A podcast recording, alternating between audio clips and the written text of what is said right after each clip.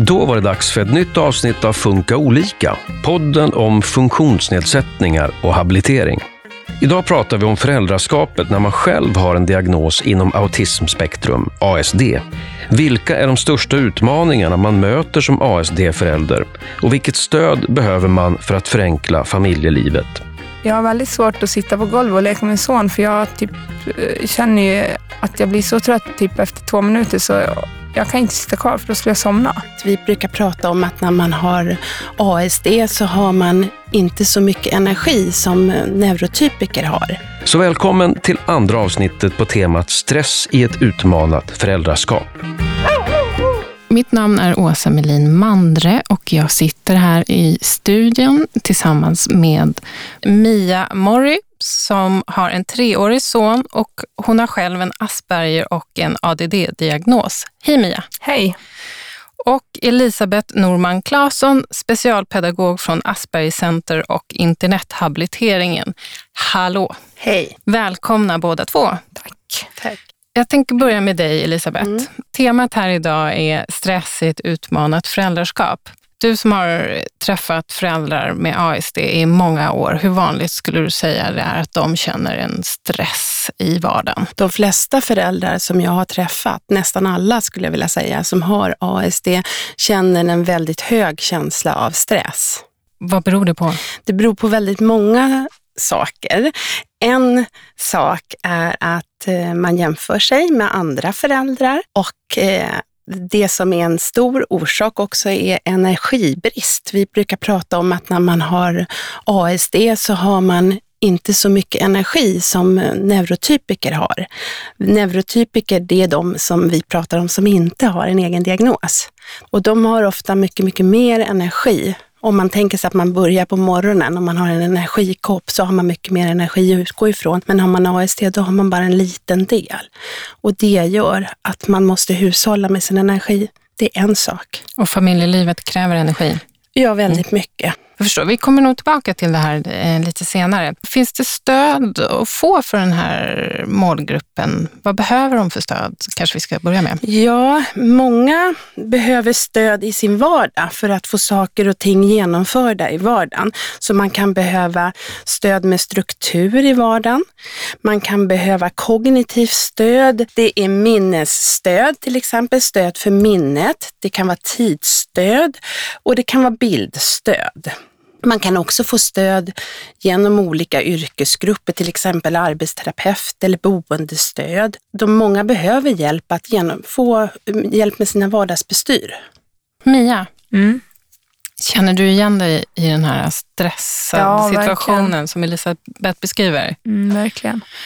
Kan inte du börja med att berätta kort hur det har varit för dig att bli förälder? Du har en son som idag är tre år. Ja, i början var han ju så lugn och han var väldigt lätt som bebis. Han var liksom glad jämt och typ skrek aldrig. Och, och, men sen blir de ju äldre, då har de ju egen vilja.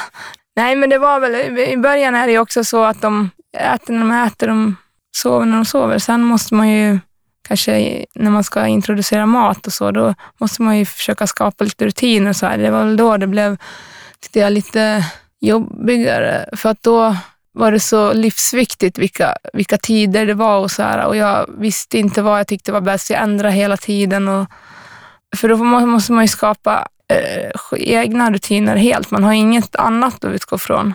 Kändes det livsviktigt att det blev rätt? Ja, men på dagis, nu när han går på dagis, då blir det liksom lättare att följa rutiner. Elisabeth, det här med mat och måltider. Mm, mm. Är det fler än Mia som eh, får känslan av att det är livsviktigt och att det måste bli rätt? Ja, många tycker att det är svårt det här med mat och måltider. Och där man vill göra rätt, som med allt annat i sitt föräldraskap. Vad är det som var svårt med det, Mia? Nej, det var väl... Det är också för, det var väldigt viktigt för mig att han åt bra mat och att det blev rätt tider och liksom så här. Men sen eh, i början gjorde vi egen puré och sådär, men sen började vi köpa barnmat för det var liksom, det tog tid och, det, och barnmaten är bra nu för tiden. Och han har varit väldigt svår också med maten, för han har inte liksom gärna ätit så bra. Han hade svårt också i början där med, med bitar. När han blev åtta månader skulle han kanske börja med lite mer bitar, men det var jättesvårt. Och då var det liksom så här som att okej, först har de sex månaders mat, då är den ju väldigt mosad. Sen liksom på dagen, åtta månader, måste han börja med åtta månaders mat. Det är liksom lite sådär. Men så, men jag ringde till Vårdguiden och frågade. Då tyckte de att vi skulle fortsätta med sex månader. Men jag tänkte att han kommer aldrig att lära sig äta bitar om inte han börjar nu. Men det gjorde han väl. Du ville börja på dagen när han, Ja, det är, som, blev åtta det är ju då månader. man, sk- Mm. det är ju då. Liksom, det är ju, alla barn är ju olika, Mm. men, man, men jag tänker liksom att Ja, det är ju liksom åtta månader, då, måste man, då ska man klara det. Eller jag vet inte, det, Mm. var, det är ju lite så. Elisabeth, är det vanligt att man vill följa de här rekommendationerna som Ja. finns överallt Ja. väldigt eh, exakt? Många vill ju det och då så finns det så många olika uppgifter, vad som är rätt och vad som är fel och så. Och hur ska man veta vad som är rätt och vad som är fel? Så om man kan få något stöd, tänker jag, från BVC, barnavårdscentral eller så, så kan det hjälpa att man får någon att fråga eller du ringde till Vårdguiden. Det är också ett bra sätt att tänka på att man kan faktiskt söka stöd, man kan fråga. Fick du bra hjälp? Ja, jag tyckte att hon svarade bra, så då blev jag lugn med att jag kan fortsätta med sex månaders mat. Och han äter bra idag? Ja, det gör han. Men han, han lärde sig det på ett bra Ja. sätt? Det går bra nu? Ja, för att vi matar han. För att Mm. han, jag märkte det här när han var sjuk, att eh, han, då åt han ju ingenting. Sen tänkte jag, om jag, om jag testar att mata honom så kanske han äter. Ja, då åt han ju jättebra. Han, är, han orkar liksom inte äta. Det är för jobbigt. Eller han har inte tid. Så han måste ha leksaker. Så ni hitt, du har hittat Ja, saker fast det som är ju funkar inte så för bra. Han är honom? tre år, jag ska mata honom och han ska leka. Men han kanske liksom... Jag tänker ju väldigt mycket på det och oroar mig och tänker, tänk om man ska vara så här för liv, hela Mm. livet. Och, och jag tänker, det är ju ingen annan förälder som gör så här. Vi är bara så slappa som inte liksom ser till att han, eller liksom, att han får som han vill och han ska... Men det är ju liksom, då får, det är ju ett val. Ska han äta eller inte? Det är Mm. det. Han kan ju äta själv. Han gör ju det på dagis, så det är inte det att han måste träna. Men han, ork, han tycker det är tråkigt och han orkar liksom inte äta så mycket. Elisabeth, är Mia en väldigt slapp förälder när du hör det här? Nej, det är du ju inte Mia. Och du har ju gått i vår föräldragrupp förut. Och då var ju det här någonting som du pratade mycket om Mm. och de andra föräldrarna pratar mycket om. Och då kunde ni stötta varandra i det här och ge varandra lite tips också. Kommer du ihåg det? Ja, det, men det är lite svårt för mig att liksom... Ja, det måste vara rätt. Det måste kännas rätt för mig. Mm, jag förstår. Och det kanske det är inte tillräckligt bra kanske. Nej. Och någon annan gör något an, på något annat sätt och då är den lite bättre. Mm. Liksom Man ska alltid göra det bästa och då, om man inte gör det, då är man ju liksom... Ja, det är liksom svart eller vitt. Det här är ju ett problem, tänker jag, med många ASD-föräldrar, att man Mm. Ja. jämför sig så mycket Ja. Mm. med andra och tänker att jag måste göra det bästa hela tiden. Ja. För mig tänker jag så här att det här med att ni matar er Mm. son, det kan vara en övergång. Så är det för alla barn ibland, att de äter sämre och då behöver man hjälpa till. Man behöver locka, man behöver pocka, man behöver kanske ha någon leksak och sen så går det över och då kommer han äta själv och man kanske kan tänka så här att vi matar en måltid den andra matar vi inte, för vet man att han har fått i sig, till exempel på förskolan, så kanske han inte, vid mellanmålet så kan han äta själv. Att tänka så. Ja, vi matar han inte när vi äter tillsammans, hela familjen. Det är inte alltid vi gör det, men det är oftast på kvällarna. Mm. Elisabeth, du nämnde innan vi eh, gick in här i studion Mm. att eh, du uppfattar den här föräldragruppen som väldigt, väldigt stränga mot sig själva. Ja. Vad vad- vad kommer det ifrån? Jag tror att man jämför sig med Som andra föräldrar, här, ja. neurotypiska föräldrar och så ser man utifrån, man ser med de ögonen, ja men tänk vad mycket de gör och man kanske hör, man kanske ser på film, ja men det ser så perfekt ut allting eller tänk bara om man tittar på Instagram hur det ser ut där om någon dukar upp sin måltid. Det är ingen som lägger ut när man kanske sitter och äter bara lite risgrynsgröt eller dricker lite mjölk utan det är fina vackra måltider och så jämför man sig med det. Och många föräldrar gör ju det här och kanske inte pratar så mycket med andra heller och vill göra det absolut bästa som du säger och kanske lite rädda, att, eller väldigt rädda att göra fel. Ja, jag kollar ju aldrig på liksom nätet på något sånt där, men, men eh, jag vet väl min bror och, och så kanske man hör något från någon annan. Så här är vi, eller, och de här tiderna ja då kanske det är lite bättre och kanske vi ska göra så här. Det är därför jag har hållit på att ändra hela tiden. Förut när, när han inte gick på dagis, så gick jag till att öppna förskolan. Då blev det att jag pratade med mer, fler föräldrar och då liksom Det var därför jag tror jag ändrade och höll på hela tiden, för att jag inte visste vad jag tyckte. Mm. Ja, det är svårt att veta. Jag har väldigt svårt att veta vad jag tycker egentligen. Mm. Så det är ungefär som att jag gör som andra, för att jag vet inte ens vad jag tycker. Lite- Men ehm, stämmer den självbilden? Är det här sämre föräldrar? Jag tycker ju inte det, Mm. utan jag tänker att så här fungerar de flesta föräldrar, att det är upp och nedgångar och många är inte perfekta och man behöver inte vara perfekt för att de flesta barn får i sig ordentligt med näring. Så man behöver inte vara så orolig. Skulle Nej. barnen vara undernärda, då kommer Ja. BVC säga till och då kan Mm. man eh, få tips och råd av dem. Jag är inte orolig att han får i sig för lite, för att han har ju aldrig varit undernärd eller mått dåligt av det. Så att om, om han inte äter, ja då är det ju så. Jag kan inte liksom... Där kan, där kan ju inte jag bestämma hur mycket han ska äta. Och sen vad, och tycker jag ju mest om sånt här som mycket halvfabrikat och sånt. Då får man väl laga den maten då. Då äter han ju liksom, det är väl, ska han äta äcklig mat varenda gång? Det är ju liksom... Nej, så jag är inte, nu är jag inte orolig över det, men Har du andra krav på dig själv i föräldraskapet? Ja, att han måste ju gå ut varje dag och sådär. Ja, det är väldigt styrt det här med tiderna. Om jag bestämt att vi ska gå ut den här tiden, då måste vi göra det tio minuter sent. Det är för dåligt. Eller man måste gå ut den här tiden, för att annars hinner man inte in och laga mat i tid och så blir det allting förskjutet. Och det är väldigt ofta det blir så för mig. Nej, Jag, jag, det är som att mitt liv styrs bara av regler och tider. Det är, lite, det är väldigt egentligen jobbigt. Mm. Var det så innan du fick barn också? Ja, Mm. fast det var nog inte lika starkt då. Det var inte lika viktigt. Nu är det ju absolut inte alls så viktigt att jag äter rätt eller äter på rätt tider. Det är bara att han äter bra på rätt tider och så här. När man får barn så, Ja, så blir det ju precis som Mia beskriver, att det blir styrt med tider Mm, och man måste mm, få mat. mm. Så. Och det, jag har förstått som att det blir som en krock när man har en ASD-diagnos, att det liksom belastar det som man kanske har svårast för. Ja, för många som har ASD har ju svårt med det här med tidsplanering och det kan ju vara så att man kanske är lite tidsoptimist och har svårt också att beräkna hur lång tid saker och ting tar. Och det är väl därför, för du frågade förut, finns det hjälp och stöd att få? Och det finns det ju. Och många behöver hjälp med tidsplanering, för det kan ju vara så här, det här gäller ju inte för alla Mia, det kan vara att man är tvärtom också, att man inte är tidsoptimist. Men det kan vara så här att man beräknar att en sak tar en kvart fast den egentligen tar en halvtimme. Och om du tänker att det alltid tar en kvart och så tar en halvtimme, då kommer ju du känna dig misslyckad. Ja. Men om du planerar en halvtimme istället så kommer du känna, ja men nu hann jag ju, eller till och med 45 minuter. För vi brukar säga att man ska alltid tänka att allting tar dubbla tiden, att man liksom ska dubbla tiden. Ja, jag är, jag, jag är ganska bra på att planera och sådär och veta hur lång tid saker tar. Men sen är jag så här så att jag anpassar mig efter den tiden jag har. Då blir det alltid som att jag typ knappt hinner. Så det är liksom alltid på sekunden, minuten, som om jag ska med en buss till exempel. Det är, det är som att jag liksom, ja men då hinner jag göra det här lilla och så, ja så blir jag ju sen liksom. Mm. Det här är ju att liksom komma i tid till dagis varje dag, ge bra mat och äta det själv. Det är svårt att få till. Har vi några bra råd? Hur kan man liksom sänka kraven på att det ska bli så perfekt? Mm. Det finns ju många strategier och tips som man kan ta del av.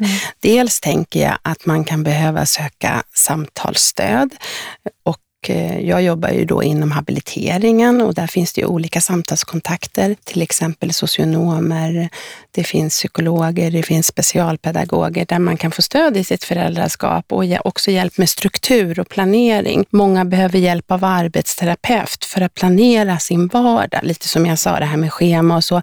För att många kanske har egentligen ett önskeschema som man lever efter hela tiden med för höga krav och att dra ner kraven i sin vardag, att kunna planera sin vardag och tänka kanske det här att jag ska försöka träna på att inte göra de här extra sakerna kanske, utan jag gör dem en annan tid. Så man har en annan planering och det här kan man ju behöva stöd och hjälp med för att få till i sin vardag.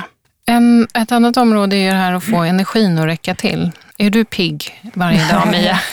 Nej, det är jag verkligen inte. Jag är väldigt trött varje dag. Det är, ju- jag har väldigt svårt att sitta på golvet och leka med min son, för jag typ, eh, känner ju att jag blir så trött typ efter två minuter, så jag kan inte sitta kvar, för då skulle jag somna. Så jag gör ju någonting hela tiden för att inte känna mig så där trött, för jag tycker det är jättejobbigt att känna mig så där trött. Mm.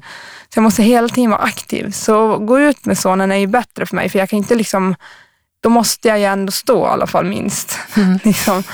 Har du alltid varit trött? Ja, jag vet, jag vet, alltså på gymnasiet vet jag att det var då jag började tänka att jag är så himla trött varje dag, det är så himla jobbigt. Men jag vet ju att jag har varit så trött så jag knappt har orkat liksom men jag pressar mig så hårt. Nu gör jag inte lika mycket, men förr för pressade jag mig extremt hårt och tills jag bröt ihop. Typ. Då ändrade jag någonting litet, för att då insåg jag att det funkar inte. Har du eh, funderat på just det här när det kommer in ett barn, hur, om man har mindre ork från början, hur, hur du ska få det att funka? Ja, jag hade funderat på det innan, så att nu kan jag inte vara lika noga och jag måste jag kan inte göra lika mycket saker, jag måste kanske dra bort vissa saker. Och då men, hade jag mentalt förberett mig på det här lång tid, så då var jag, alldeles i början, kanske första månaden var det så. Men sen orkar man, alltså sen blir det som vanligt igen. Och det här med kläder, det är ju så här jätteviktigt vilka kläder min son har på sig när man ska på olika ställen. Om vi ska dit, ja men då kanske det här är bäst. Och så ja just det, om tre dagar ska vi dit, ja då kan han inte använda det här nu för då kanske då, då är inte det rent. Och, och sen måste det matcha, det är det viktigaste av allt, att det matchar. Det är väldigt mycket det här med kläder. Det är mm. liksom, tar väldigt stor det tar upp väldigt mycket tid och energi. Men han har kläder på sig varje dag? Ja, mm. det har han. Men det är liksom, om han har fel strumpor, då måste jag byta strumpor, för han kan inte ha, de här matchar lite bättre. Då mm. måste han ha dem. Du nämnde för mig när vi pratade innan att du liksom har lärt känna din egen diagnos bättre i samband med att du blir förälder. Ja, men det är ju att jag... Det är som att diagnosen blir svårare när man får ett barn. Och därför har jag lärt mig, tror jag, mer för att jag måste ju lösa det. Liksom, jag har ju lärt mig också, tror jag, genom mina, min boendestödjare. Så här, hon har, jag pratar mycket med henne och och sådana där saker. Det har du varje vecka, boendestöd. Mm. Så, och hur funkar det? De kommer hem? Ja, det, jag har två olika. Eh, men den ena har jag ju träffat sedan början och hon är väldigt bra. Och jag, I början, typ först hela första året, så att vi bara pratade. För jag visste inte vad ska hon göra liksom. Men sen har jag kommit på att det är mycket, det har jag precis kommit på att eh, om när de kommer hem till mig och jag gör hushållssysslor, då minskar stressen jättemycket. För då då behöver inte jag grubbla över det innan för att det är så lätt att göra det när de bara är med. Och, och sen liksom hinner jag ju göra det då. Annars ligger det där över mig hela tiden, ända tills det är klart. Elisabeth, eh, hur tänker du här när det gäller att få liksom orken att räcka till? Mm, jag tänker att planering. Mm. Egentligen att planera så här och veta i förväg. Det är inte alltid man vet när man har bäst energi. Nej, men många vet när man har lite mer energi. Och också att försöka hushålla med sin energi. Att inte köra slut på den totalt och sen försöka planera stunderna lite. Nu är det ju väldigt lätt för mig att stå och säga det mm. här såklart. Mm. Men att man kan behöva sätta sig tillsammans med en arbetsterapeut och titta på när har jag mest energi för, för det mesta då och så kanske planera utifrån det. Och det här du sa nu att du utnyttjar boendestödet mm. och att det går mycket lättare. Mm. Det är ett sätt att utnyttja sin energi. Att inte försöka göra hushållssysslor på andra tider då kanske. Ja. Vissa saker behöver du göra Mm. Men, men att försöka tänka att men det här får vara tillräckligt. Mm. Och vi pratar också mycket om att vara tillräckligt bra. Kommer du ihåg ja. det när vi hade föräldragrupp? Att vi sa så här, vad har du gjort som var tillräckligt bra under veckan? Ja. Att försöka börja se också, vad är det jag gör som är bra? För det blir lätt att man hamnar i en ond cirkel där man hela tiden tycker att jag gör inte tillräckligt bra och det tar ju också massa energi mm. att gå och grubbla ja. hela tiden på det. Ja, Ja, alltså nu har det varit en period som jag inte har varit så stressad. Jag vet inte om det är för att jag har tagit hjälp av boendestödet när jag har städat mer nu och då eh, och nu är det klart liksom. Nu mm. är det inte en period när jag måste göra massa extra saker. Så mm. nu har jag känt, nu har jag inte varit så stressad. Då, då är jag ju mycket bättre förälder. Mm. Då, då är jag närvarande och jag, jag tror jag orkar. Jag är lite piggare och jag liksom, jag orkar liksom engagera mig i min son då. Det gör jag inte när jag är så här stressad. Då är jag så trött så jag känns som jag knappt orkar stå när man är ute. Så här, um, han, Så stödet behövs där för att få den energin och Ja, jag tror att jag, det här jag ju inte... Det kom ju jag på alldeles för några dagar sedan bara. Att, att det, det var ju jättebra nu när, när jag tog två gånger i veckan att jag storstädade då ett rum för varje gång de kom. Då gick det ju mycket fortare än att det ska ta fem veckor för att jag gör det bara en gång i veckan. Så det var ju med dem, det var ju väldigt bra tyckte jag. Hur är det med att ha stöd från andra, andra familjemedlemmar och ha ett nätverk runt omkring? Alltså vi har ju all släkt och alla som vi känner bor ju i Borlänge. Det här med ett nätverk, det är ju viktigt för att klara sig, Mm. speciellt när man får barn. Är det också lite typiskt att eh, man inte har så stort nätverk? Många har inte så stort nätverk. Ibland kan det ju vara så att man har föräldrar runt och anhöriga runt omkring sig, men det kan ju också vara så att de bor på en annan ort som du säger och då kanske man behöver hitta eh, andra. Mm. Men jag tycker att min, eh, mina bonusstöd är väldigt bra stöd. Ja. För att Ja. jag pratar inte om något annat med någon om, än om mitt barn. Typ. Och det, jag får just, hon har ju också barn, den är, den som är, de är inte jättesmå, men typ nio år är väl de yngsta som hon har. Så hon kommer ju liksom ihåg lite och det gick ju bra för henne och hennes barn, så då kanske det här funkar.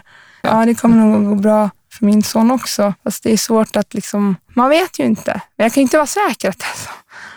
Och sen är det svårt för mig att liksom tänka att han kommer, det är inte för alltid han kommer att bli matad eller inte han vill ju aldrig klä på sig. Det är jättesvårt att få honom att göra det. Men på dagis kan han ju.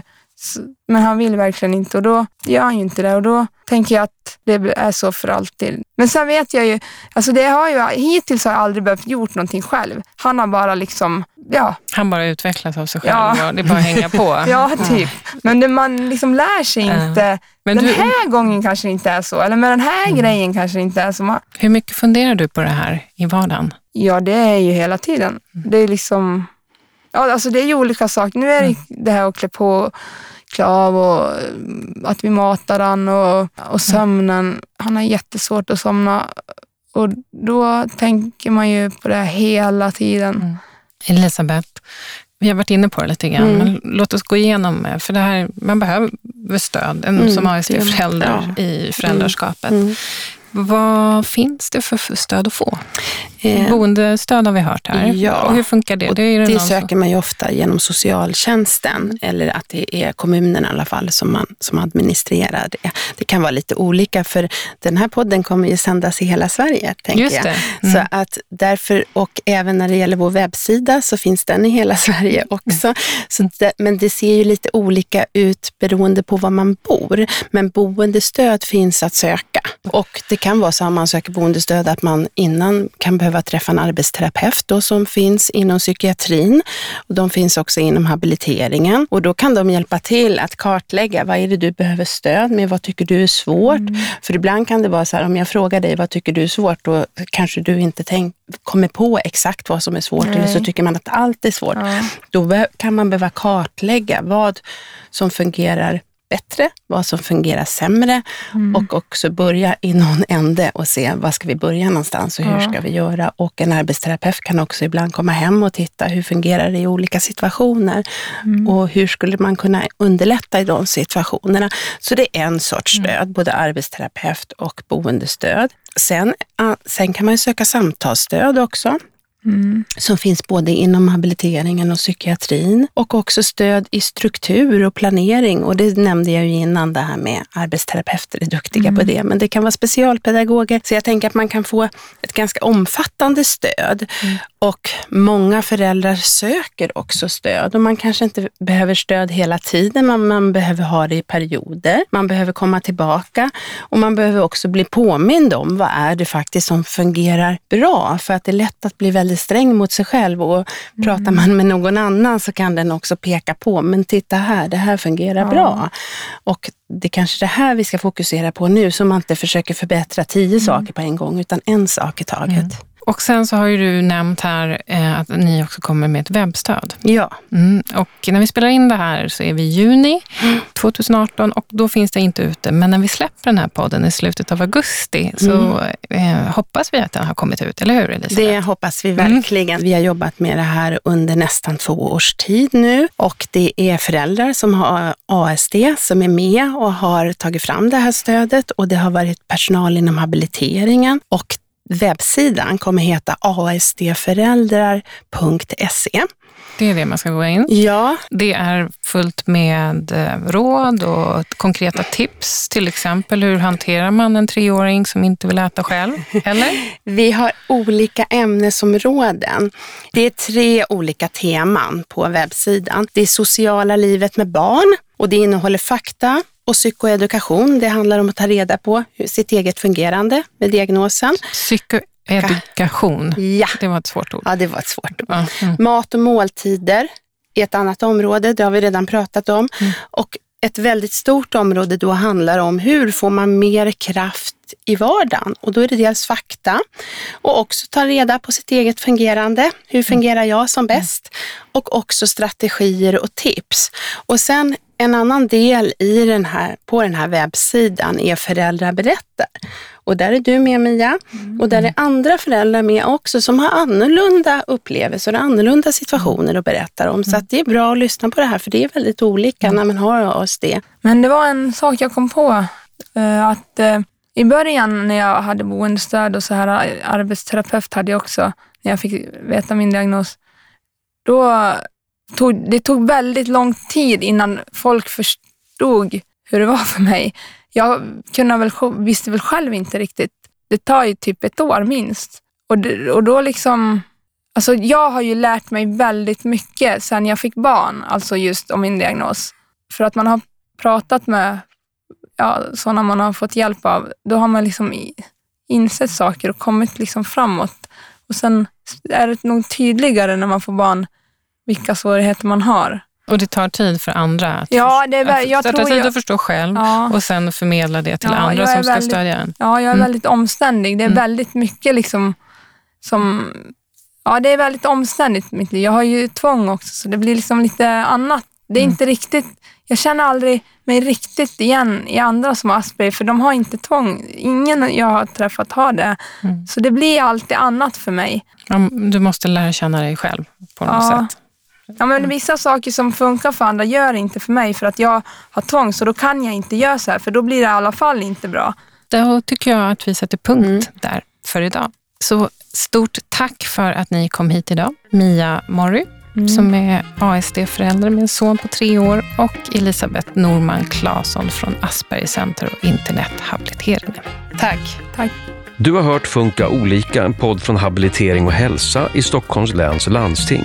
I nästa avsnitt kommer vi prata mer om hur man kan hantera stress som förälder. Och vi pratar med två terapeuter som dagligen har kontakt med föräldrar till barn med olika funktionsnedsättning. Lyssna då!